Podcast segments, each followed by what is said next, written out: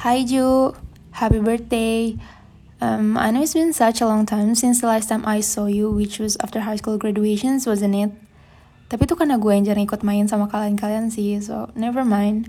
But I hope you're doing well and live your life wisely. Also long last juga sama cewek lo.